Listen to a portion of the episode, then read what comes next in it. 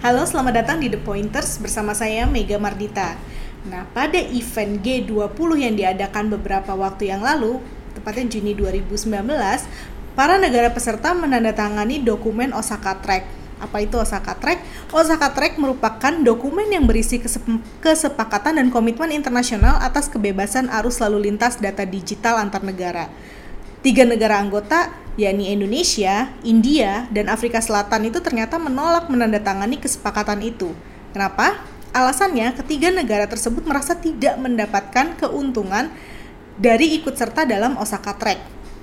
Pada episode kali ini, The Pointers akan membahas mengenai nilai tinggi data yang kian menjadi komoditas penting dalam kancah internasional Beberapa pakar bahkan menyepakati bahwa data merupakan currency yang sangat berharga atau mata uang baru yang sangat berharga. Tim The Pointers kali ini akan berusaha menjawab beberapa pertanyaan. Yang pertama, mengenai bagaimana data dan informasi berevolusi menjadi komoditas strategik bahkan dianggap sama pentingnya dengan mata uang. Dan yang kedua, apa akibatnya dari semakin tingginya nilai data terhadap kondisi ekonomi, sosial, dan politik sebuah negara. Pesatnya perkembangan teknologi digital untuk kepentingan publik dan komersial yang dimulai pada dekade 1990-an membawa sejumlah perubahan di berbagai bidang, baik ekonomi, sosial, maupun lingkungan. Perubahan yang paling kentara itu yaitu bagaimana individu maupun organisasi publik serta swasta bisa lebih terhubung satu sama lain melalui teknologi komunikasi dan infrastrukturnya dekade-dekade selanjutnya yaitu tahun 2000-an dan 2010-an semakin menguatkan peran teknologi komunikasi dan digital. Kita tahu kemudian bertumbuhnya peran swasta melalui startup-startup serta teknologi aplikasi yang menjadi bagian dari keseharian publik. Sekarang kita pakai gadget dan gadget kita itu penuh dengan aplikasi yang sangat uh, banyak ya macam-macam dari mulai aplikasi untuk translasi, kemudian untuk foto, kemudian untuk uh, lokasi gitu itu kita semuanya menggunakan aplikasi uh, dari uh, hasil uh, perkembangan teknologi komunikasi dan informasi dan tentunya aplikasi-aplikasi ini akan mengumpulkan data dari para penggunanya. Nah, makin terintegrasinya teknologi tersebut seperti handphone yang kemudian bisa bisa bisa untuk kamera, kemudian bisa untuk uh, mengerjakan tugas, kemudian bisa untuk bikin presentasi itu uh, namanya integrasi ya. Jadi makin makin terintegrasinya suatu teknologi uh, dengan keseharian masyarakat itu memunculkan pentingnya sumber daya dan komoditas baru yaitu data. Bahkan kita tahu sekarang uh, rice cooker atau magicom itu sudah uh, internet ya sudah bisa dikoneksi melalui internet sehingga kita bisa masak uh, masak nasi itu dari dari mana pun. Jadi kita nggak harus pulang kemudian kita baru masak uh, masak nasi tapi kita bisa masak nasi mungkin dari uh, dari kantor atau dari perjalanan kita uh, gunakan secara remote. Bahkan bahkan uh, beberapa oven juga seperti itu. Mereka bisa menghangatkan makanan uh, dikendali dengan kendali jarak jauh melalui handphone kita sendiri. Nah Meskipun data sendiri memang telah menjadi aset sejak dahulu, perkembangan teknologi sebenarnya membuka potensi data sebagai sumber daya dan komoditas ke tingkat yang lebih tinggi dan terkemuka hingga menjadi big data potensi data sebagai sumber daya ini bukan sesuatu hal yang baru dibahas ya karena Presiden Jokowi sendiri uh, beberapa waktu yang lalu pernah membahas bahwa data ini bahkan sebagai uh, tambang baru atau new mining. Memang hal itu masih uh, debatable ya, masih diperdebatkan banyak uh, banyak pakar apakah betul nih data ini adalah new mining gitu. Tapi uh, yang pasti data itu semakin menjadi penting dan memang menjadi komoditas yang sangat tinggi sekarang. Praktisnya Data kemudian menjadi pendorong ekonomi baru. Share digital economy, data driven economics menjadi jargon yang sering muncul saat berbicara soal kehidup, kehidupan ekonomi. Jadi sekarang kalau kita ngomongin soal ekonomi itu tidak lepas dari uh, data, yaitu tadi karena data sebagai komoditas sekarang. Data yang berisi logaritma kegiatan dan aktivitas para pengguna menjadi sumber daya dan komoditas yang sangat berharga untuk dijadikan bahan analisis uh, dan analitik bagi pihak-pihak yang membutuhkan, baik dari pihak swasta maupun pihak pemerintah.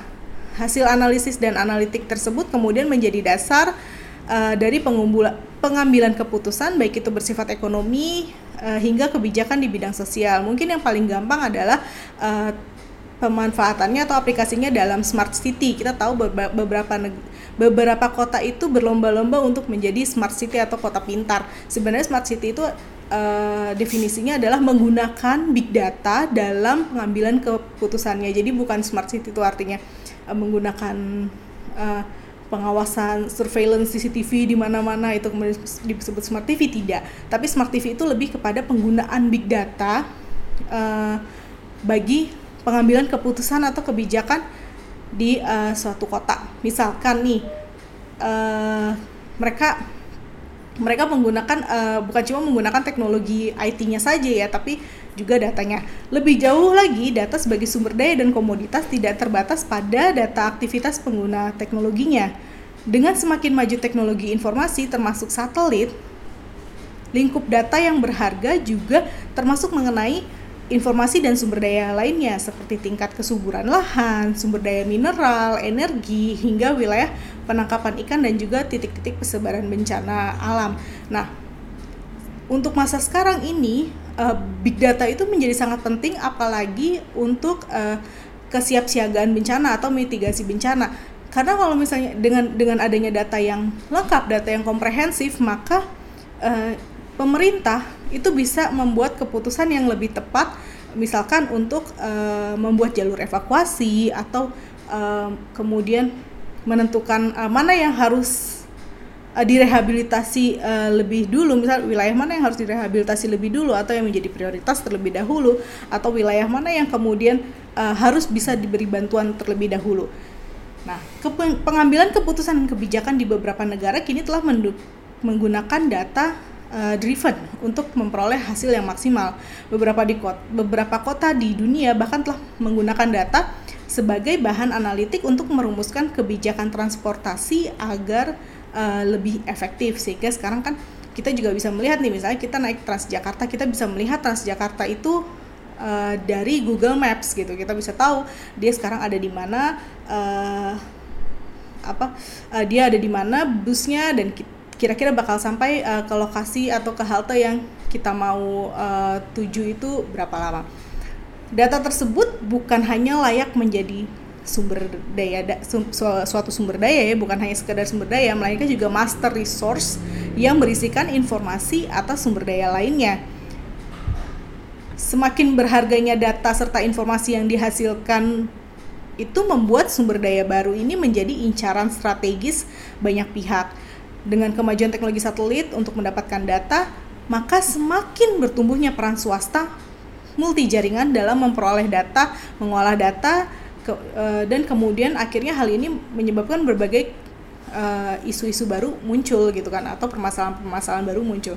Dari ranah kemasyarakatan, sebenarnya pengumpulan data identitas dan aktivitas pengguna ini juga memunculkan berbagai pertanyaan yang cukup krusial, yaitu uh, mengenai keamanan datanya sendiri dan mengenai privacy para pengguna uh, aplikasi uh, hasil dari teknologi informasi dan komunikasi.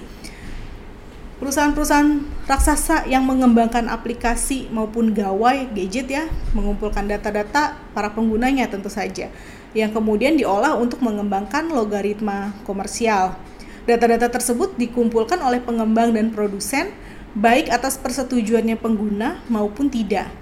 Nah, atau kalau misalnya tidak nih maksudnya pengguna itu tidak sadar kalau sebenarnya uh, data aktivitasnya itu dikumpulkan melalui aplikasi dan gadget yang kita gunakan. Sekarang gini, kita buka handphone masing-masing berapa banyak aplikasi yang kita punya di handphone itu. Kemudian ketika kita install handphone tersebut apakah kita uh, sorry ya uh, ketika kita menginstal aplikasi dari handphone tersebut apakah kita membaca terms and conditionnya kebanyakan dari kita hanya I agree aja hanya mencentang mencentang box I agree tanpa kita membaca uh, terms and conditionnya kalaupun kita baca kita nggak ngerti kebanyakan Kenapa nggak ngerti? Pertama, kebanyakan aplikasi itu berbahasa Inggris di terms and conditionnya. Terus tidak banyak dari kita atau tidak semua masyarakat itu bisa berbahasa Inggris. Dan yang kedua bahasa yang digunakan adalah bahasa hukum. Sekarang berapa banyak dari kita yang belajar hukum? Tentunya nggak banyak kan? Sehingga itu terms and conditionnya agak kurang dimengerti. Selain juga panjangnya minta ampun. Sekarang orang jadi males jadi dia pikir ya udahlah uh, aku uh, setuju aja dengan terms and conditionnya. Padahal di dalam terms and conditionnya itu uh, itu memuat suatu pernyataan bahwa kita akan memberikan data ke pihak penyedia aplikasi itu. Nanti aplikasi itu berhak menggunakan data yang kita uh, berikan uh, di aplikasi itu. Gitu. Nah.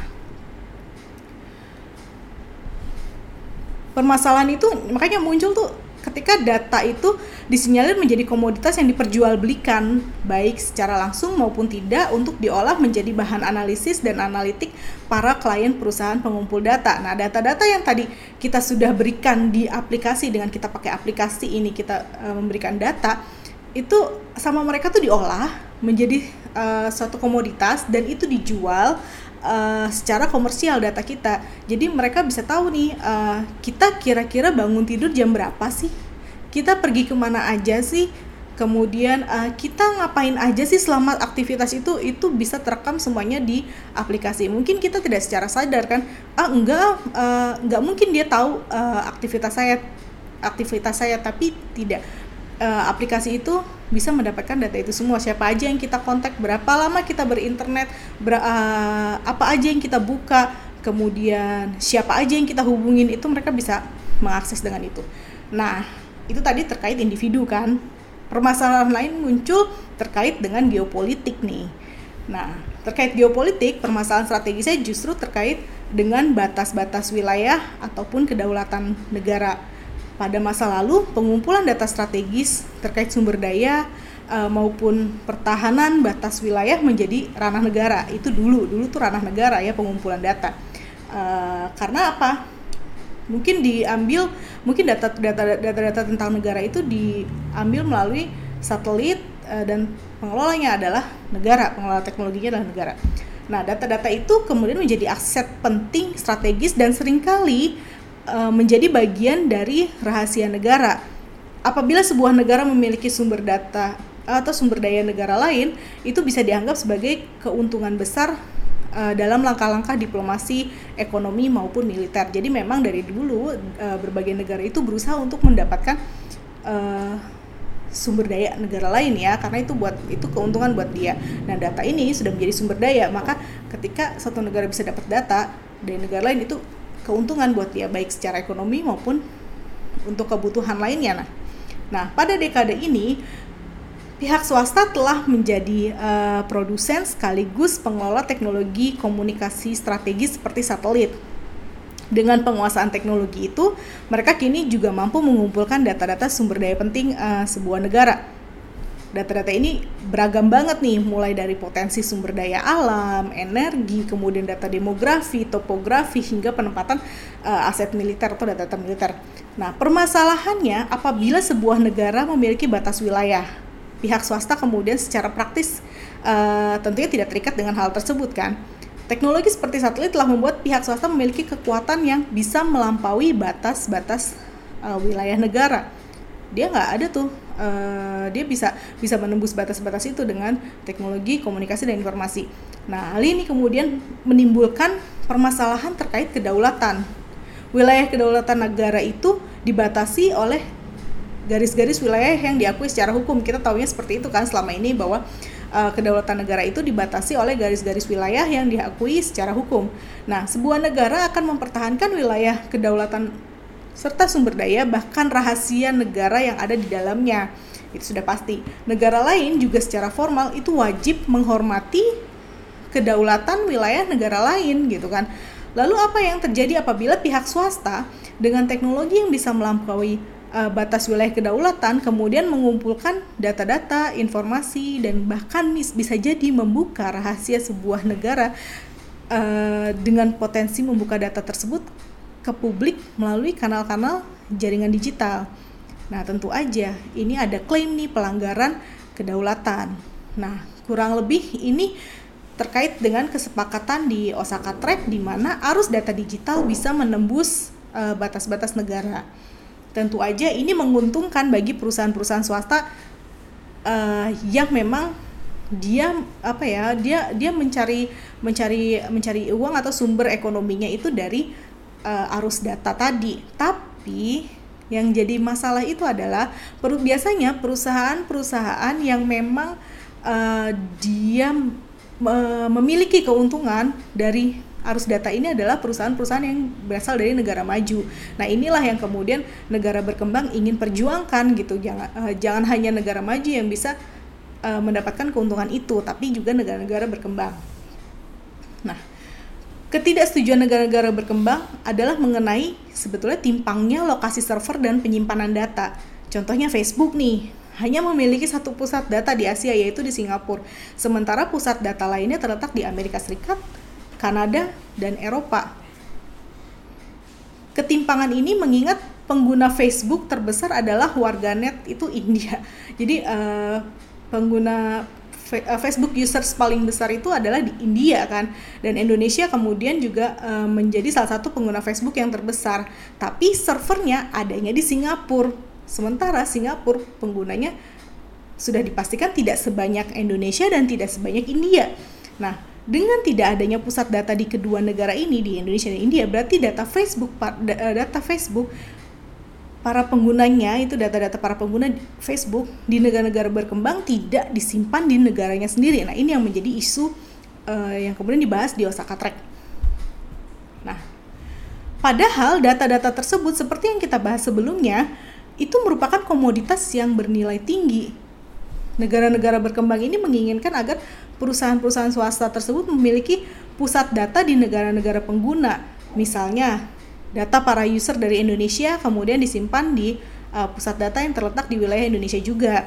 Demikian juga dengan perusahaan tersebut juga harus punya perwakilan yang uh, perwakilan yang legal uh, di perwakilan yang sah ya, yang sah di negara-negara uh, berkembang ini tadi. Tentunya tentunya dengan demikian negara berkembang bisa mendapatkan penerimaan dari pajak kan? Karena selama ini kalau misalnya server servernya dari luar negeri dan perusahaannya dari luar negeri uh, sementara dia mengambil data dari Indonesia dari Indonesia atau dari India dan dari negara berkembang lainnya negara berkembang itu kehilangan banyak pajak di situ. Karena perusahaannya juga bukan perusahaan dari uh, negara berkembang itu.